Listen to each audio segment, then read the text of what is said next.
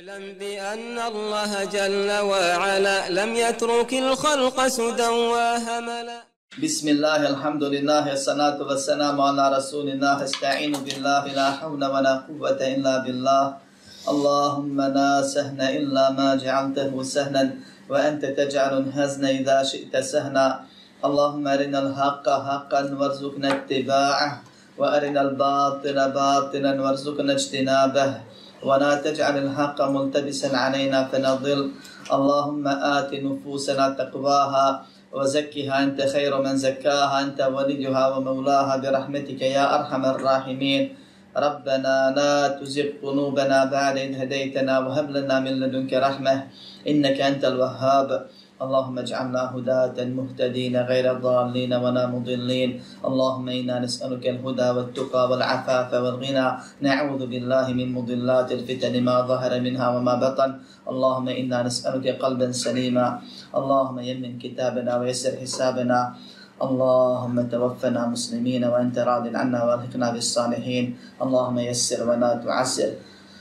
اللهم بارك وتمن بالخير. لا إله إلا الله ولا حول ولا قوة إلا بالله العزيز الحكيم أما بعد Sva hvala i zahvala pripadaju samo Allahu, savršenom gospodaru svih svjetova, koji jedini svu hvalu i zahvalu zaslužuje zato što se samo Allah savršenim osobinama opisuje i zato što Allah subhanahu wa ta'ala ne griješi i kad naređuje, i kad zabranjuje, i kad oduzima, i kad obilno daruje. Od njeg pomoć oprosti uputu tražimo, koga Allah uputi na pravi put, nema zavlude. Koga Allah pravedni, savršeno, savršeni, pravedni, sveminosni, u zabludi ostavi, tome nema ni pomagača, ni počivača. Zato sebi svako dobro tražimo i od svakog zla bježimo na jedini mogući ispravan način, a to je da sve dok živimo srcem, jezikom i dijelima svjedočimo da nema drugog Boga sem Allaha, jedini i nema sudruga i da je Muhammed sallallahu alaihi wa sallam Allahov rob najbolji i njegov poslanik posljednji, a zatim nastavljamo sa komentarom ove Mubarek poslanice. Šeh je prošli put spomenuo dokaze da će ljudi biti proživljeni. A nakon toga je rekao, a nakon proživljenja bi polagat će račun i bit će nagrađeni, odnosno isplaćeni za svoje dijela. Nakon što je šeh spomenuo osnovne stvari vezano za tri temelja, ostalo je da proširi one najbitnije stvari koje on smatrao bitnim za, ovu, za ovaj priručnik Islama, za ovu početnicu islamsku, za ovu poslanicu, za mla, male, najmlađe, najstarije i sve ostale osnovnu, pa je spomenuo neke stvari koje u njegovom vremenu bile su problematične i spomenuo je neke osnovne stvari. I zanimljivo nadahnuće Allah subhanahu wa ta'ala spustio šehu Muhammedu u njegovim poslanicama koje je pisao nekad usput, nekad onako ukratko, nekad s određenim ciljevima, a da mnogi učenjaci tvrde i govore neki su već radili disertacije, naučna dijela, analize vezano za njegove poslanice i rečenice koje je spominjao i to presovano znanje i taj redoslijed koji je Allah odredio da baš tako se formira tu. Nerijetko ne vidi se dakle, bez na, bar tako mi osjećamo kad čitamo, bez da je šeh namiravao baš te neke stvari tako poredat, a nešto je ciljao. Bilo kako bilo, postoji govor islamskih učenjaka kad komentariš ove poslanice i ovu konkretno, tri temena, tri osnovna temelja njihove dokazi, tri osnovna načela, tri temena vjere, kako se već kod nas sve prevodi. A, zašto je šeh spomenuo neke stvari prije ili kasnije? Pa neko navede više, neko manje razloga i često su to procjene onih koji komentarišu. Nerijetko ima govor, rijetko ima govor šeha da on zaista kaže šta je htio time ili ne, ali je jasno. I vidjet ćemo da šef nakon govora o Allahu, govora o Islamu kao vjerenom okvirnog kostor Islama kroz islamske stubove, ruknove, imanske ruknove i govora o Ihsanu. S tim govora o poslaniku, alaihi salatu wasalam, kroz osnovne crce vezan za njegov životopis i srž njegove poslanice i ono što je prošao i medinski i mekanski period i hijđru i one stvari sa Mi'raž koji je šeh spomenuo, neke kraće, neke malo obširnije. E, prelazi na govor o nekim, kao što kažu komentatori, neka bitna pitanja vezana za islamsko vjerovanje. Nisu to samo neka bitna pitanja, to su pitanja o kojima je bila velika, veliko neznanje ili velika greška, veliko, velika neispravnost, velike zablude u vremenu i mjestu gdje je živio šeh, a s druge strane to su i najbitnija pitanja. Najbitnija pitanja koja se tiču čovjeka. Pa šeh nakon govora o Allahu, Islamu i poslaniku, a sanam, dopunjava govor o poslaniku, pravi jedan prelaz i prelazi odmah na sudnji dan. Mi znamo da temelj Islama je šeha, dva šehadeta. I da stubovi Islama su vjerovanje u Allaha, meleke, knjige, poslanike, sudnji dan i sudbinu. I da su stubovi Islama također namaz, po, zekat, hač, koji se grade na temelju koji se šehadet zove. I da postoji stup nosač koji ako se izmakne sve pada, to je namaz. Onaj centralni stup kao što su šatore gradile na temelju, zatim glavnom stubu, pa naslane i ostale stubove. I ako se izmakne te, taj glavni pada šator, tako je Allah odredio i konstruisao našu vjeru islam. Temelj šehadet, stub nosač je namaz, ostali stubovi se naslanjaju, pa ko izgubi zekat ili post ili hađ, ostaje musliman, građanima je narušena, kriva, harava, ali može proći ima kuću islama, ako izgubi namaz, taj nema vjere, kao što je došlo hadisu, vjero, hadisima vjerodostojnim i konsenzus osaba i tabijina.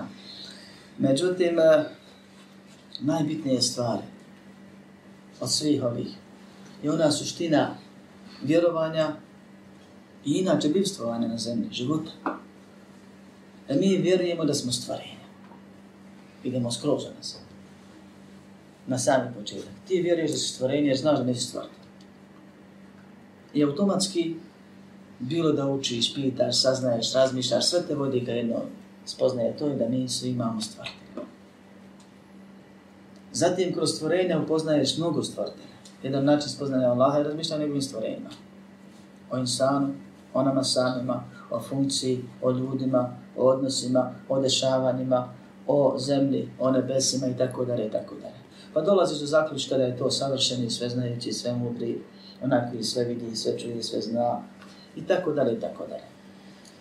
Pored toga što nas vjera uči, ne govorimo ovdje o teoretskom znanju, islam, znanju islamskom, nego nekim stvarima ili nekim dijelovima tih spoznaje koja se može dokučiti životom, razumom i tako dalje. I onda idemo dalje, odmotavajući to, čovjek može svašta nešto da shvati, zaključi ili nauči, ili da ga pokreni, da traži, pa da istraži, sazna ono što treba i mora da sazna. Allah subhanahu wa ta'ala stvorio i nije nas stvorio onako bez veze, nego s mudrošću, sa razlogom, s ciljem. I mi kao stvorenje, kad već postojimo, stvoreni smo s ciljem da se usrećimo tako što ćemo Allaha subhanahu ta'ala zadovoljiti. Ako postignemo njegovo zadovoljstvo, on će biti zadovoljan s nama ili nama i on će nam dati što zamisliti ne možemo doživjeti tako. Ima drugi put, trećeg nema. Ako izgubimo nego Allah, Allahu zadovoljstvo on će biti srpit na nas i kaznit će nas kaznom i kažnavaće nas kaznom koju zamisliti. Pa je osnova vjerovanja, vjerovanje da mi živimo u životu prolaznom, ili srž vjerovanja, vjerovanje da mi živimo u životu prolaznom, koji je čekaonica i radionica. Makar bilo krivo onima koji tvrde da život dunjaloški nije čekaonica gdje mi samo čekamo da umremo, upravo tako, a ne samo čekaonica, ne sjedimo mi skršeni ruku, niti je to dozvoljeno, nego smo mi stvoreni da na ovom svijetu dijelima propisanim postignemo sreću, uspije kroz Allahovu subhanahu wa ta'ala zadovoljstvo. I radimo i čekamo. I svakog momenta smo svjesni da nas smrt može zadesiti i da doktor je samo da utvrdi kasni uzrok sjedeći, ležeći, radeći, spavajući, možeš započeti, a ne znači i nemaš nikakvog doka da ćeš završiti to što se započeo. Možeš umreti svakom momentu. To se ljudi znaju, vjernici i nevjernici. Niko ovo ne negira. Stvarni smo da živimo. I da dokom života Allaha subhanahu ta'ala zadovoljimo. Radit ono što nam je naredio, ostavit ono što nam je zabranio ispravno, vjerujući u njega u tom životu ne znamo koliko traje, nego sta, stva, stalno moramo biti oprezni i spremni da idemo. Pa je to i čekonica i radionica. Na kraju tog života nas čeka džehennem u zasjedi. Skoro sam držao desu su ukladni na internetu. Ovaj, I Allah je to spomenuo više puta u Koranu i suri nebe direktno. I ne džehenneme kanek mirsan. Džehennem je zasjeda postavljena. I svi će ljudi doći do džehennema. Wa im minkum illa validuha. Nema niko od vas da neće do njega doći. Kaže Allah u tešem suri Marijem. I neki će preko džehennema prijeći. Preko sirata. To je dio vjernika. Drugi dio vjernika će kroz džehennem u džennet. Da se isprši dugo godina. Da odgori za svoje djela. Za svoje propuste u procesu postizanja Allahova zadovoljstva. Tražio ga je, ali ne dovoljno. Radio je, ali nije zaradio. Pa nije ispravno naplatio. I svi ostali, ono su ogromna većina, će vječno završiti u džahennemu i bit će im to krajnja i zadnja i vječna i najgora moguća stanica da nas Allah Na kraju, ono što je gore od same činjenice da vidiš džahennem pred sobom je da ga ti moraš prijeći u tami preko sirata koji je tani odlak i oštrija sad. Na kraju iza džahennema nas čeka džennet. I Allah će nas u djemdanu vjernicima reći idite u džennet. I svi ćemo krenuti. I dio će proći, molim Allah da nas prenese, a dio će pasti, propasti. Onaj koma je Allah subhanahu wa ta'ala na dunjaluku bio stalno pred očima, da se tako izrazim, govorili smo o ihsanu, što to znači, da obožaš Allah da vidiš. I kome je, Allah, kome je Allahovo zadovoljstvo bio stalno cilj pred očima, iznad njega parola, vodilja, svjetilka, koji je gledao u te stvari i tako živi, taj će prići preko sirata. Jer preko mraka totalnog, najvećeg mogućeg, ne dunjalku takvog nema, i preko mosta takvog, koji je tani odlake, oštri i osadni, klizav, još ima kuke koje skidaju s njega. Čovjek nema te sposobnosti kojom bi mogao prijeći toliko ogromno stvorenje poput džehennema. Nije to kar most. Nije to mala stvar. Će svi ljudi stati ono. Pored dubine i širina džehennema je ogromna. Samo će proći koga Allah prenese. I mi bukvalno od sad pa do inša Allah prve stope ili druge stope na kantari, onaj dio preko džehennema, moramo da gledamo u Allaha uzvišenja. Gledao ti ne gledao ispred i neće ništa vidio. U totalnom mraku, sa svjetlom imana, bez obzira, preko tako tankog stvorenja. Tog mosta. Koji je stvoren da se propadne, osim koga Allah prenese. A nije stvoren da se prijeđe osim. Jer će većina pasti i bačena. Samo će proći kome Allah da da proći. I nema fajde gledati ispred sebe. Ko što nema fajde na dunjalu gledati u sebe bez samo i slanja se samo na sebe i gledati uzroke i slušati šta će ko reći i kogod te prepadne ostupit i vratit se i ovo ili ono, ono. I na prvoj prepreci odustati. Nije to za mene, ne mogu ja teško, mi muka mi ovako onako. Nego i na dunjaluku. Prolazili smo razne iskušenja i prolazimo razne iskušenja i ko zna šta nas čeka nakon ovog ogromnog blagostanja od iskušenja i onaj ko nas je pomagao ranije i koji je s nama sad, taj će nas pomoći tada. To je na dinalogu. I u smrtnim mukama, i u kaburskim kom životu, uživanjem ili patnjama, i sudnjeg dana strahotama, bit će neki spašeni, počašćeni, uživac, smijat se, veseli, o smrti kabura sudnjeg dana. I preko sirata će neki preletjeti poput trptaja oka. Toliko velika odarenost. Toliko nemoguće pogoditi proći. Ali će tako brzo proći. Neki ko, ko svjetlica, neki ko vjetar, neki ko jahač na konju, neki trčujeći i tako dalje, i tako dalje. Pojenta je da moramo da gledamo u Allaha subhanahu wa ta'ala u njegov hator, tražeći njegovo zadovoljstvo sad. I tako će nas Allah pomagati da zaobilazimo prepreke i preskačemo i prolazimo do njalučke na putu ka džennetu. I na sudnjem danu će biti isto tako. I tad ćemo očekivati samo da Allaha pomoć, i tad koga Allah pomogne i proći. I na siratu će se isto prijeći. Ali na osnovu rada na dunjavku. Pa je najbitnije od svega vjerovati da smo stvoreni da račun položimo. Da smo stvoreni da proživljeni budemo, da budemo pitani, nagrađeni ili kažnjeni. I najbitniji ruk nakon vjerovanja u stvoritelja Allah je vjerovanje u sudnji dan. Koji su to islamski šarti? Ja malo opustimo prije krenimo. Koji su islamski šarti, ko zna? To su kažu imanski. Šart pet, ta dva stuba. Manje pet, dva stuba. Islamski šarti su ovako, da vam kažem, da je čovjek insan ili džin. To je prvi šart. Drugi šart je da je normalan, da nije lud. Treći šart je da je punoljetan. Četvrti da je svjestan šta hoće da prihvata. I peti da je iskren. To su islamski šarti. A ono što ste vi mislili, to su islamski stubovi, islamski ruknovi, to nisu šarti vjerovanje u Allaha, meleke knjige, poslanike, sudnji dan, to su imanski i odredbu, a namaz, po zekat, hađ i šeharet su islamski ruknovi i stubovi. Ako su to šarti, šta je onda islam? Ja šarti uvjet. Ako su namaz, po zekat i hađ uvjeti, šta je onda islam? No, brato, isklanjam, uspunio sam ovdje, kada ću biti musliman? Šta trebamo raditi da budem musliman ako već imam? Velika je grešna nazivati to islamskim šartima, makar to čuli da daje od nekoga drugog šarti za islam, znači kome se prima islam, ko je obavezan da bude musliman, to su šarti, to su uvjeti za islam. Bude pametan, da bude insan ili džin, ne traži Allah od kamena, da bude svjestan, razuman, punoljetan i tako dalje i tako dalje.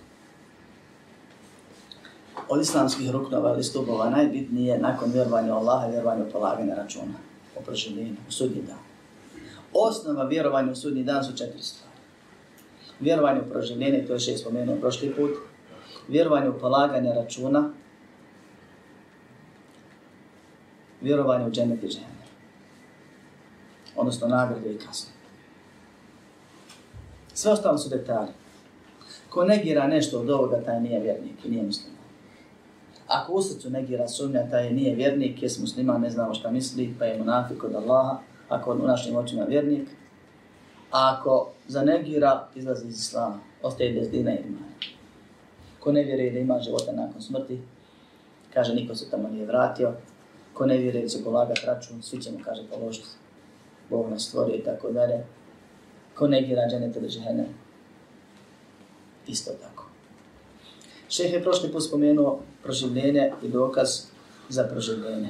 A sada kaže وَبَعْدَ الْبَعْتِ مُحَاسَبُونَ وَمَجْزِيُونَ بِأَعْمَانِهِمْ A nakon kaže što budu proživljeni, polagat će račun i bit će nagrađeni, isplaćeni tačnije za svoje djela.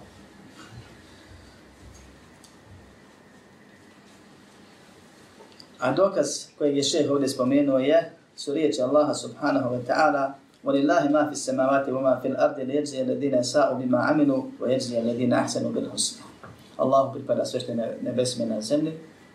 Allah je gospodar toga, a gospodar između ostalog znači stvoritelj, vlasnik, upravitelj, s razlogom, sve to, svega toga činite. Pa kaže, Allahu pripada ne, sve što je na nebesme na zemlji. Allah je sve to stvorio, Allah sve to posjeduje, dženet i džehennem na nebesima i ono što je na zemlji danas, I Allah je to sve s razlogom stvorio. A razlog je Allah ga spominje ovdje, kaže li jedzije ledine esa'u bima aminu. Da nagradi one ili isplati one džeza znači isplatene nagrada, a nagrada je bila sprem djelom.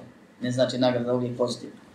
Kaže da nagrade, odnosno isplate one koji su radili loše onako kako su radili, a one koji su radili dobro, dobro. Neće Allah da kaže loše lošim, on se podrazumijeva vidi jasno, ali kaže dobro dobri. Pa je Allah stvorio nebesa i zemlju i sve što je na njima, da bi nas na kraju nagradio ili kasno. Po zastavci. I ovim detaljima od smrtnih agonija, stanja čovjeka prilikom smrti, vrsta ljudi prilikom smrti, eh, načina ili na, načina života u kaboru, vrsta ljudi u kaboru, proživljenja, polaganja računa, sakupljanja, prelaska preko sirata, vaganja dijela i ostalim stvarima imamo najmanje četiri predavanja, detaljnije pojašnjene stvari kroz komentar vas tije ko se vrati, a ima i drugih predavanja puno. Ovdje nećemo se zadržavati na toj temi više od ovoga, samo ćemo spomenuti da smo stvoreni da bi iskušani bili kako će, ko će od nas bolje postupiti, to jest u skladu sa Allahovim zadovoljstvom, da bismo umrli i proživljeni bili, da tim sakupljeni i račun polagali i Allah nas je stvorio da bi nas usrećio i usreći se svakoga osim onoga ko odbije. A odbije je sreće onaj kom odbije pokornost. Čak i oni vjernici koji budu morali kroz džehennem zato što se nisu dovoljno trudili. Ali kad, kad tad, kad izađu iz džehennema, bez uzra koliko hiljada godina bili u njemu i kad uđu jednom u džennet i kad počnu uživati, zaboravit će patnju džehennemsku i postaće će od tog momenta vječno sretni. Što? Zato što su htjeli i trudili sa nedom. A oni prvi svakako će biti toga spašeni, molimo Allah da nas učine takvi. I zato šeheh kaže, omen kedebe bil ba'ati kefer. Ko ne vjeruje u proživljenje, taj je nevjernik. Ko negira proživljenje, taj je nevjernik. I na ovom su složni islamski učenjaci, nema razilaženja, kao što sam spomenuo, one četiri stvari, da se mora vjerovati da je bilo ispravno vjerovanje sudnji dan. Ako god ne vjeruje jedan rukn, jedan stup imana, ili jedan stup islama, ako ne vjeruje, ako ne negira, taj je nevjernik po konsensusu islamskih učenjaka. Znači da se oko primjene namaza, posta, zekrata, hađa, ali su složni da kad bi neko negirao i rekao nije to od vjere, ne treba to, da bi izašao iz vjere. Ko negira, kaže, proživljene taj nevjednik, a dokaz su riječi Allaha subhanahu wa ta'ala, za'ama alladine kafaru an la yub'atu, kul bela wa rabbi la tub'atunna, thumma la tunabba'unna bima amiltum, wa thalika an Allahi jasir. Kaže uzvišeni gospodar, umislili su sebi nevjernici da neće biti proživljeni. Za'ama je lažno vjerovanje ili lažna tvrdnja. Može biti da čovjek pogrešno smatra ili namjerno lažno govori. U oba slučaja kad se kaže za'ama, kod nas se prevodi kao umislio. Ili tako tvrdi, lažno tvrdi. Možda on zna da nije tako, ali hoće tako da priča. A možda misli jedan da je tako kao što on priča. U oba slučaja, kad je u krivu, kaže se za'ama. Kaže Allah subhanahu wa ta'ala, za'ama ledine kefaru, lažno tvrde, ili pogrešno misle i vjeruju nevjernici, da neće biti proživljeni. Pa Allah naziva nevjernicima oni, one koji neće biti proživljeni. Tu nema razlaženja kod učenjaka kada je to nevjerstvo. Ovaj šeh izabrao ovaj dokaz. Kul bela wa rabbi, reci o Muhammedu sallallahu alaihi wa sallam. Naprotiv ili naravno, tako mi moga gospodara, le tub'athunne, sigurno ćete biti proživljeni. Thumme le tunebbeunne bima amiltum, nije cilj proživljenja samo da se živi. Zatim ćete biti obavješteni onome što ste radili, wa dalike an Allahi jesir, a to je Allahu lako. Allah s riječima budi stvara i rastvara i ponovno življava. I onaj kada se jednom proživio, jednom stvorio, lakše mu je i lahko mi danas ponovno proživi. I zato je nevjerovanje u proživljenje nevjerstvo iz više razloga. Prvo tjerivanje Allahu laž koji kaže sigurno ćete biti proživljeni na više mjesta u Koranu. Jedan od njih je ovo što sam pročitao ovdje. Drugo je nevjerovanje u Allahu moć. Jer većina iz neznanja vjeruju kao kako će kao što su mušnici Mekke dolazili poslanika Ali nisam da se nam govorili, me juhi ne dvame vahija ramim, ko će, kaže, proživjeti kosti kad postanu prašina, kad se smrne, ili pokazivali mu ko će ovo proživjeti, tako dalje, tako dalje. I još mnoge stvari.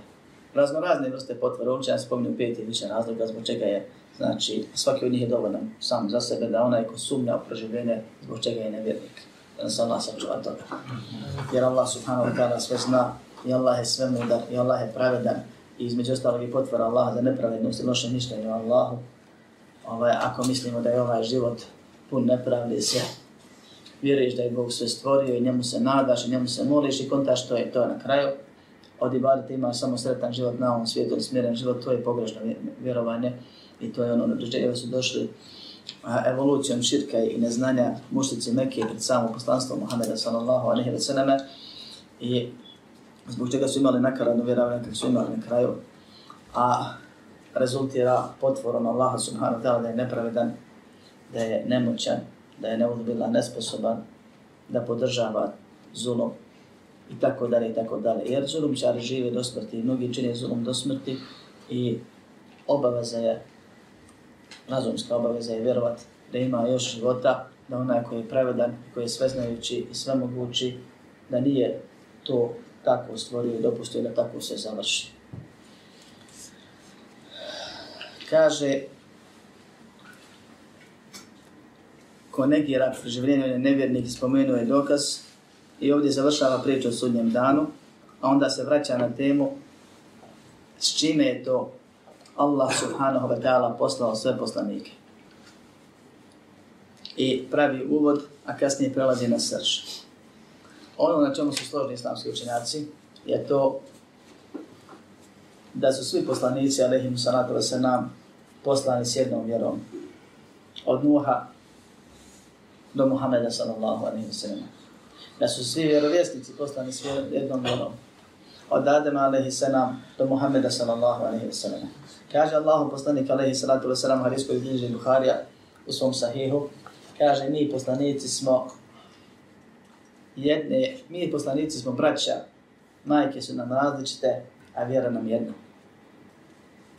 Vjera svih poslanika je jedna zvala se Islam. Šerijat i propis su se razlikovali.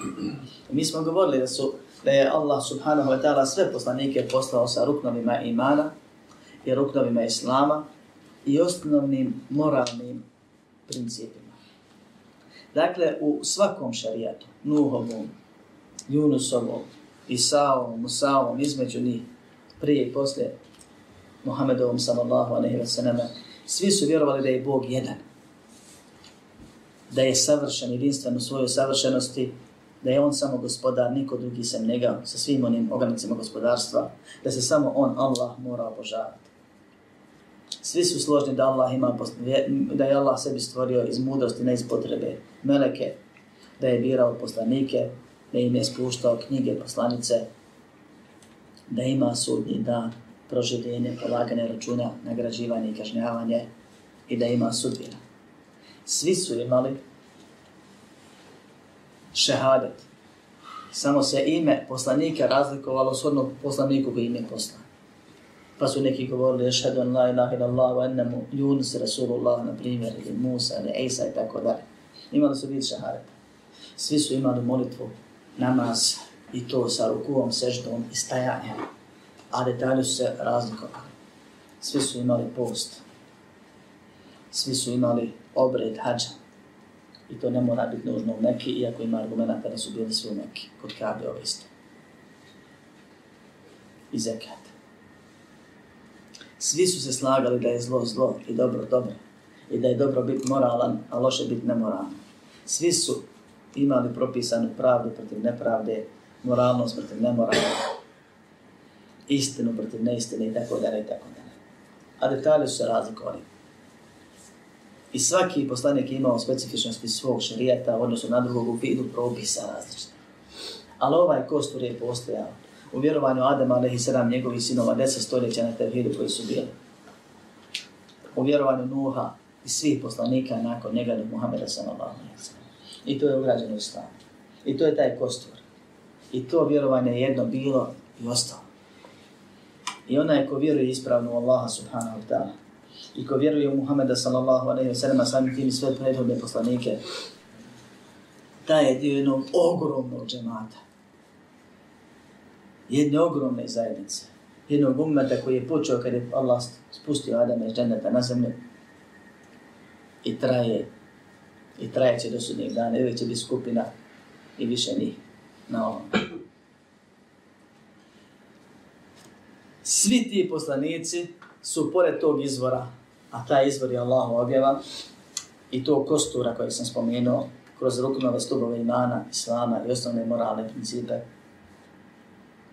imali još jedan metod kojeg je Allah propisao i kojeg Allah koristi u svim objavama pa i u Koranu. Svi su poslani s jednim ciljem, jednim metodom i ciljem. Cilj je da pozovu ljude u ovo što sam spomenuo. A metod je, kaže, va arsal Allahu jami'a rusuli mubashirina wa mundirin. Allah je poslao sve poslanike da donose radosne vijesti i da opomenju, upozoravaju. Da pozivaju i obveseljavaju onoga ko se odazove ili obećavaju nagradu onome ko bi se obadazvao, ako još nije. I da upozoravaju, kritikuju, napadaju ono što je neispravno, upozoravajući pritom i prijeteći onim što je Allah stvorio i pripremio onima koji umru na tome. I nema poslanika ni jednog da se bavio samo kritikom i upozorenjem. I nema poslanika ni jednog da je zanemario kritiku i upozorenje. Da je samo obećavao i da je popriječao. I Allah subhanahu wa ta'ala Kur'an to na više mjesta spominje. Za poslanika Muhammeda alaihi sallam posebno što nas se tiče, jer smo obavezni njega da slijedimo svemu i za ostale poslanike. Pa Allah subhanahu wa ta'ala kaže kao što je sura Nisa na jednoj cijeloj stranici spominje inna evhajna ilayka kema evhajna ila nuhin wa nabijina min ba'd. Mi smo kaže objavili te. Ko smo objavili Nuh poslanicima nakon te. Pa onda nabra Ishaka, Jakuba i ostale poslanike. Pa kaže وَرُسُلًا قَدْ قَسَسْنَاهُمْ عَلَيْكَ مِنْ قَبْلُ وَرُسُلًا لَنْ نَحْسُسْهُمْ عَلَيْكَ Poslanike kaže koji smo ti već pričali i one koji smo, o kojima ti nikako nismo govorili. Ibn Hibban Rebu Dharra prenosi da je pitao poslanika, bileš da je pitao poslanika, alaihi salatu wasalam, koliko ima poslanika, a koliko vjerovjesnika. Pa kaže Allahu poslanik alejhi salatu vesselam oko hadisa ima razlaženje, ali svi učenjaci akide koriste ovo kao osnovu i kao kostur, jer svi znamo da je bilo poslanika i vjerovjesnika puno, i da je njihov broj zna Allah. Kaže, postalo je 124.000 vjerovjesnika, od kojih je 313 poslanika. Poslanika je bilo puno. 25 je spomenuti imenom Kur'ana. Neki su još dodati spomenuti Oko nekih se imena u Kur'anu razilaze da su bili poslanici, vjerovjesnici su bili dobri ljudi. I tako dalje. Ali puno više ima od onoga što mi znamo. I od onoga što je poslanik, ali i salata sam znao. Nakon toga Allah uzvišeni kaže رسلا مبشرين ومنذرين لئلا يكون للناس على الله حجة بعد الرسل Kaže, slavili smo poslanike da obraduju, da donose radosne vijesti, da donose bišaru, bušra, muštuluke. I bušra se zove bušra, radosna vijest, ili kod nas muštuluk, od, uzeti u arapskom jeziku od bešere, što znači koža, zato što se načuje kad te obraduješ primijeti na licu, na koži. Promijeni se sad, kad je vesel. To je kad ga obraduješ bilo čim. A kako se tek čovjek obradovat kad bude obradovan džennetom? Bilo na samrti, i nakon što sve prođe. Kako će se čovjek tek obradovat kad mu se otvori dženevska vrata kad vidi blagodat? Što ne može opisati ni zamisliti. E to je ono što je Allah slao poslanike. Da obveseli, obraduju, obećaju nagrade i time ih raduju koga? Oni koji se razovu. Wa mundirin, kaže Allah subhanahu i da opominju, da prijeti, ne s ličnom sobom, nego Allahovom kaznom. Onim što je Allah zaprijetio, ne izmišljajući ništa. Niti imaju pravo poslanici, niti su to radili, niti imaju pravo slednici poslanika, vjernici, da išta od sebe dočaravaju ljepote ili grozote, kad su pitanju obećanje i prijetnje Allahove subhanahu wa ta'ala. Bilo na dunjalku i na ahiretu. To prenosimo dovoljno. Poslanici su prenosili i prenijeli da Allah uzvišeni kaže ja i vahar rasulu beli ma unzina ilike min rabbik wa illam tefa'an fama ballagta risalete, risalete prenesi poslaniće ono što ti se objavilo od tvojeg gospodara. Ako to ne budeš uradio nisi dostavio poslanicu njegov. Nisi dostavio. I poslanik alaih sallam je dostavio. Od osnovna vjerovanja da svjedočimo da je poslanik alaih sallam dostavio poslanicu na način koji je određen a način je bio da donosi radosne vijesti da opominje da obradi onoga ko će se odazvati ili ko se odazove, da nudi radosne vijesti onome ko, koga poziva da, ako se odazove i da upozore one koji odbiju. Bilo na ulazak i ne ulazak u islam općenito ili na pojedinačnim propise u islamu. Sve što je Allah naredio, zato je nagradu pripremio. Ako ostaviš ne uradiš, zato ti slijedi kazna.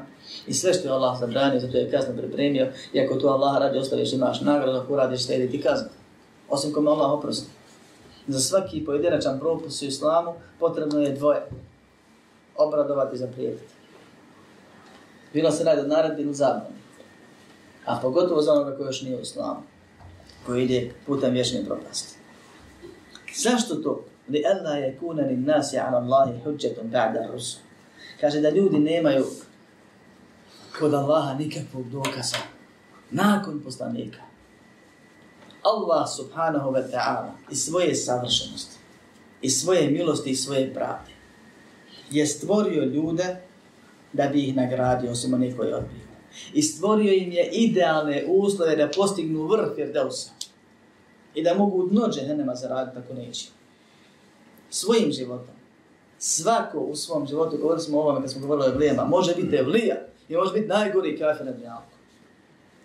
Svojim tvojim uslovima.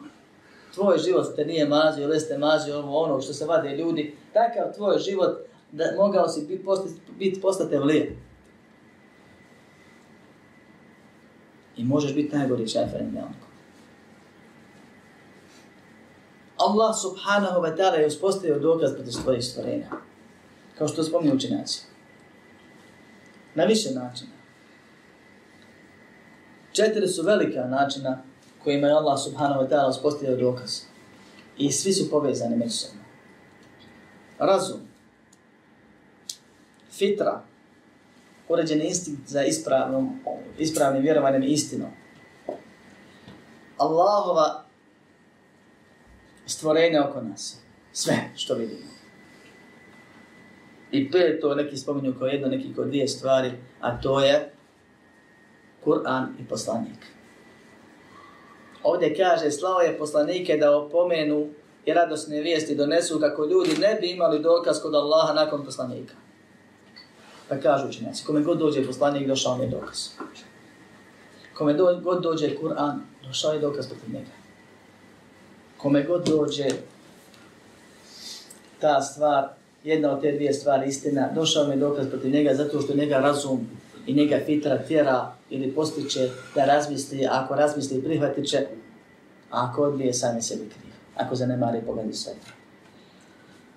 I zato poslanik Ali Isradova se kad kaže, neće za mene čut niko, ni židov, ni kršćan, ni drugi. Niko iz ovog umeta. Pa se navodi primjer židova i kršćana. Zatim ne povjerava tome, a da neće biti vječni stanovnik džahnama. Dovoljno je samo da čuje da ima Muhammed, Allah, Muhammed koji tvrdi da je Allah poslanik. I njegov život. Hadis o muslimu. Njegov, I poslanik kada sam kada neće za mene čutne, kaže dalje. I njegov život, i njegov razum, i sve ono okolo, i njegova fitra, instinkti ga trebali da tjeraju, da se pokrije, da se raspita. Ako ne htjedne, ne zanima ga, takvom da poslanik Ali sram lično dođe i desi ne bi prihvatio islam. I ne bi ne zanima. I Allah zna. I Allah je stvorio stvorenje i zna kako funkcionišu i zato je svezao samo za ovo propis.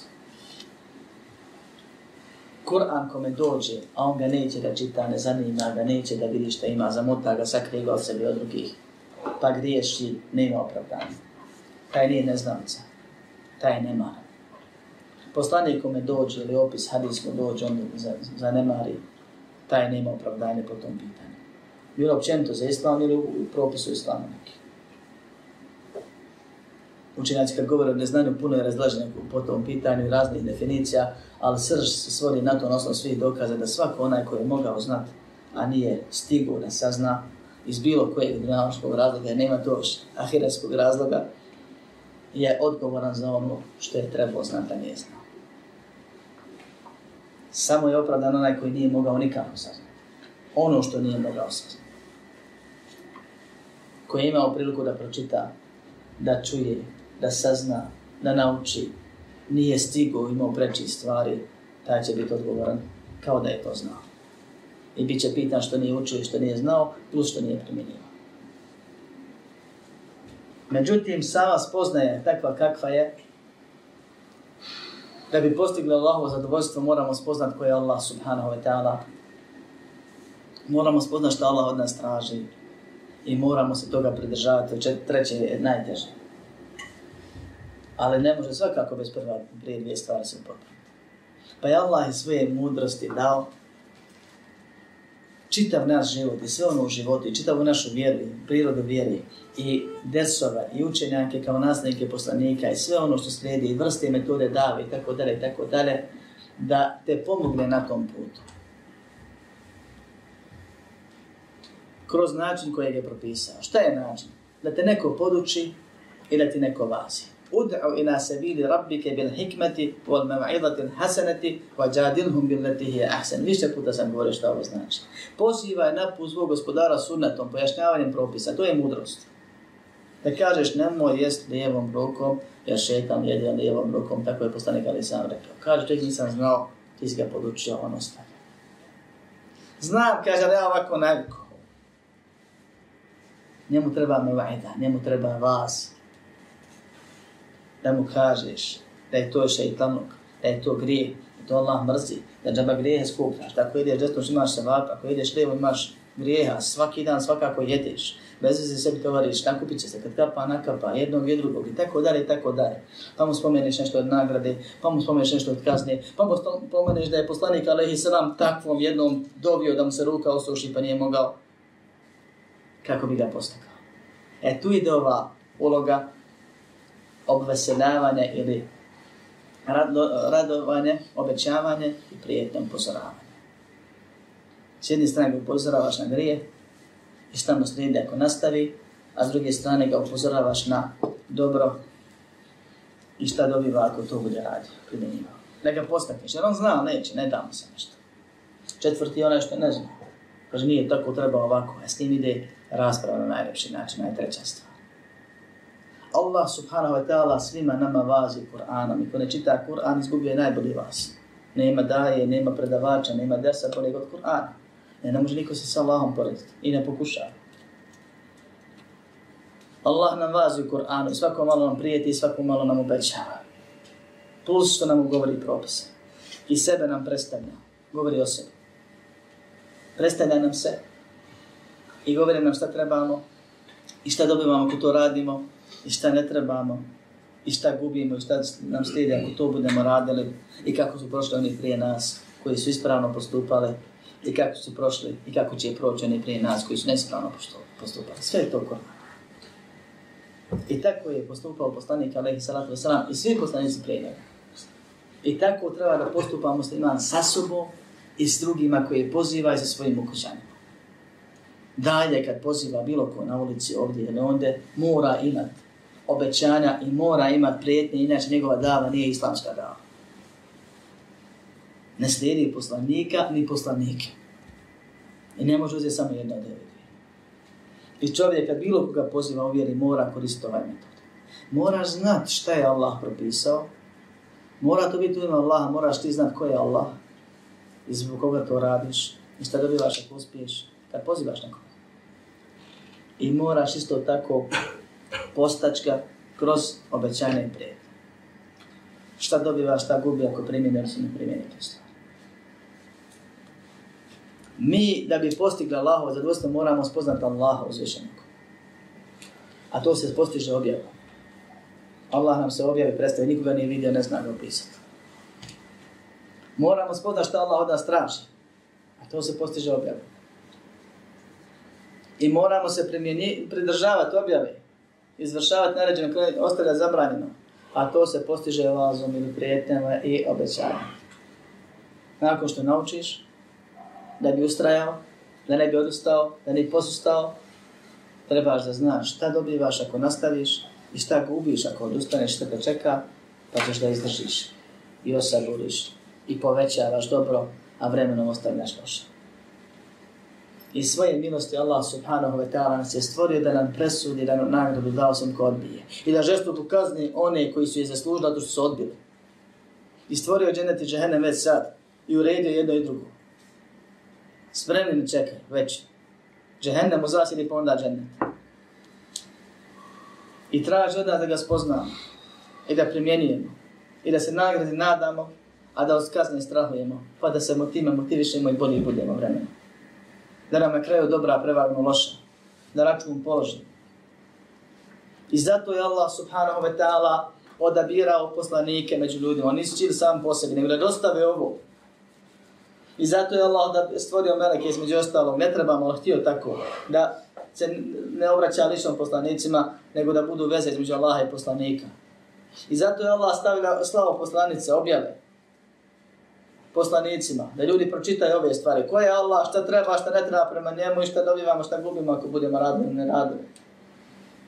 I zato su ovi ruknovi, uključujući sudbinu, sporedna stvar. Glavno je vjerovati da ima stvoritelj i da se stvorio da bi postigli njegovo zadovoljstvo i da će nagraditi one koji postignu i kazniti one koji izbjegnu. A sve ostalo su uzraci. I zbog ovoga je vjerovanje u Allaha subhanahu wa ta'ala na prvom mjestu, jer je to osnova svega i početak i kraj, i je vjerovanje u sudni dan nakon toga. A sve ostalo su samo sredstva da se to postigne. A vjerovanje u sudni dan sredstva da se postigne Allahu zadovoljstvo. Je to čovjeka motiviše da ustraje do kraja. I zbog toga je Allah subhanahu wa ta'ala svakoj poslanici, svakom poslaniku dao da svi metodi davete se svode na ovo. Obradu onoga ko primijeni i upozori onoga koji ne primjeni.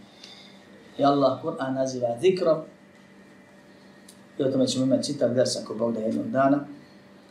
Šta znači zikr i da je to između ostalog opomena i čast i ugled.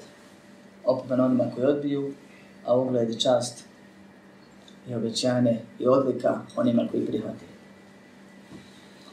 Kaže šeh, prvi od njih, to jest od poslanika, iako Nuh alaihi sallam. A posljednji je Muhammed sallallahu alaihi wa sallam i on je prečat svih vjerovjesnika. A dokaz za to su riječi, a dokaz da je Nuh prvi poslanik su riječi uzvišenog inna uhajna ilajke kema uhajna ila Nuhin van nabijina min ba'di. Mi smo, kaže, objavili tebi, kao što smo objavili Nuhu, i vjerovjesnicima, odnosno poslanicima, u ovom slučaju se tumači, a ovaj I ko je prvi poslanik? A šta je sa Ademom, alaihi salam? A što nije on poslanik? Ko je njega poslao? Nije imao poslanicu. Nije imao poslanicu. Ispravan odgovor. Jer mi smo na početku ove knjige definisali šta je ispravno po pitanju razdržanja ko je poslanik, a ko je vjerovjesnik. Pa smo rekli da je poslanik onaj koji je poslan narodu nevjerničkom sa poslanicom da ih pozove u vjeru. A vjerovjesnik je onaj koji je već objavljena vjera postojeća. Gotovo. Nema poslanicu, nije poslan da poziva nikoga. Adem a.s. je vjerovjesnik. I tu nema razilaženja. A ima razilaženje da je poslanik. A ispravno je da je Nuh a.s. poslanik zbog mnoštva dokaza. Jedan od njih je ovo što Allah ovdje spominje pa nabraja poslanike dalje. Drugo je činjenica i ono što Ibn Abbas rekao kad kaže deset stoljeća od Adama do Nuha su ljudi bili na tevhidu. Zatim su se odmetnuli na način koji je opisan, govorili smo o tome više puta, kad su počeli da veličaju svoje dobre ljude koji su preselili, pa da bolevi na njihovim kaburima, da se sjećaju njihovih barita, pa da im izgrade kamenčiće, pa slike, pa kipove, pa vremenom su počeli da ih obožavaju. Kad su ih počeli da obožavaju, izašli su sve. Osim pojedinci koji su uvijek ostali, uvijek tako bude. Pa je Allah uzvišen i poslao ovo a.s. Kao prvog poslanika narodu tom, nevjerničkom, da ih uvjeru poslao tebhid nazad. I objavio mu prvu poslanicu. Prvu knjigu. I od dokaza, ne bih ulazio detaljno miselu, jer svi direktni dokazi ukazuju na ovo. A ima indirektni dokazi koji se hvataju oni koji tvrde da je Adam a.s. poslanik. Je ono što bileži Buhari i Muslim u svom sahihu u velikom onom poznatom hadisu o šafaatu, kad budu dolazili Adem a.s. pa ga budu pitali, pa će mu reći ti si otac čovečanstva. Pa kad budu dolazili Nuhu, a.s. kad kaže ja sam pojao s drveta, nisam trebao, idite Nuhu, doće mu reći, o Nuh, ti si, između sam će reći, wa awwalu rasulillahi, wa awwalu rusulin ursila ila ehli al-ard. Wa awwal rasulin ila ahli al-ard, ko što je. Ti si prvi poslanik poslan stanovnicima zemlje. Hadis bilježi Bukhari i Muslim. Poslanik Ali Islam opisuje da će ljudi doći Nuhu i reći ti si prvi poslanik poslan na zemlji.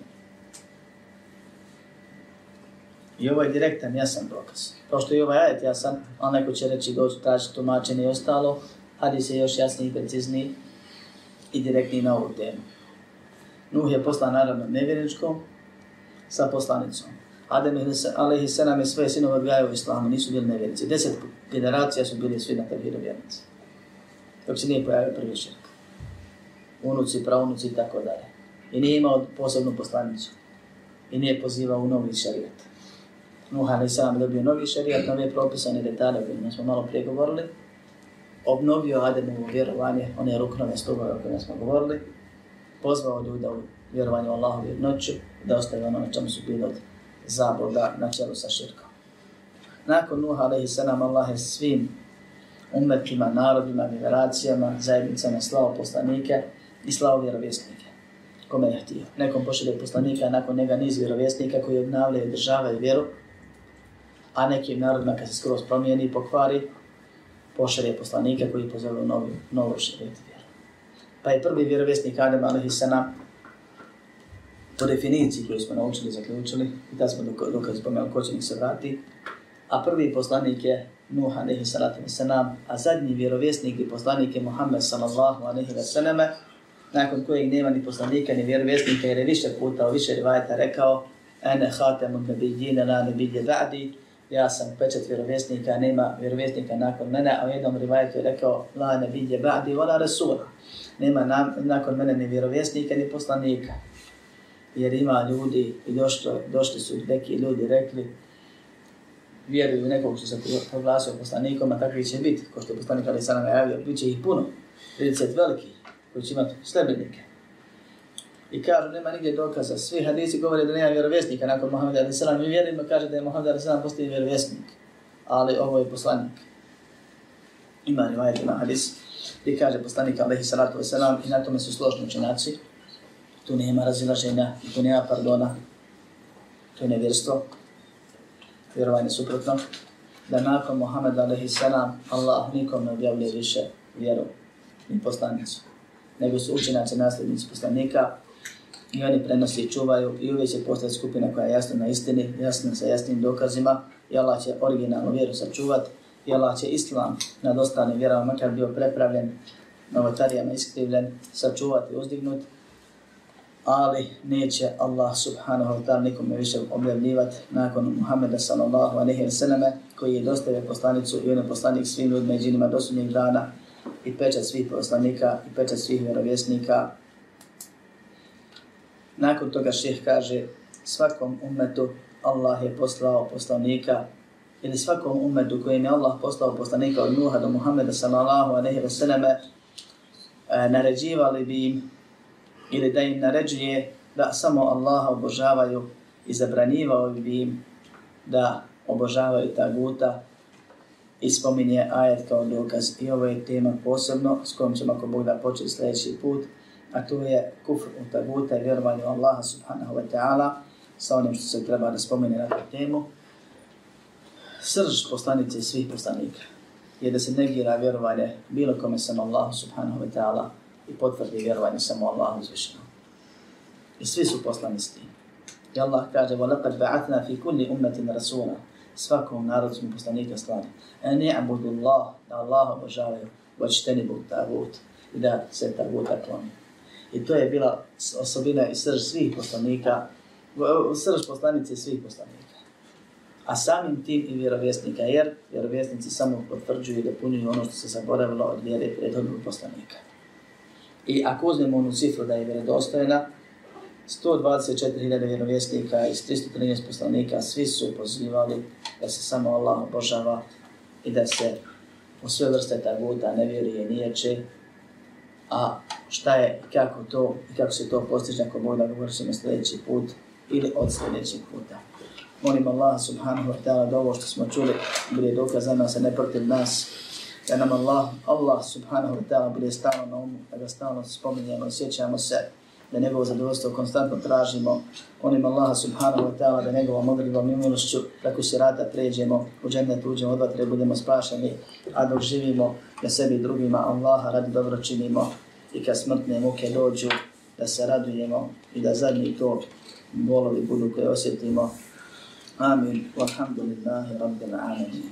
اعلم بأن الله جل وعلا لم يترك الخلق سدى وهملا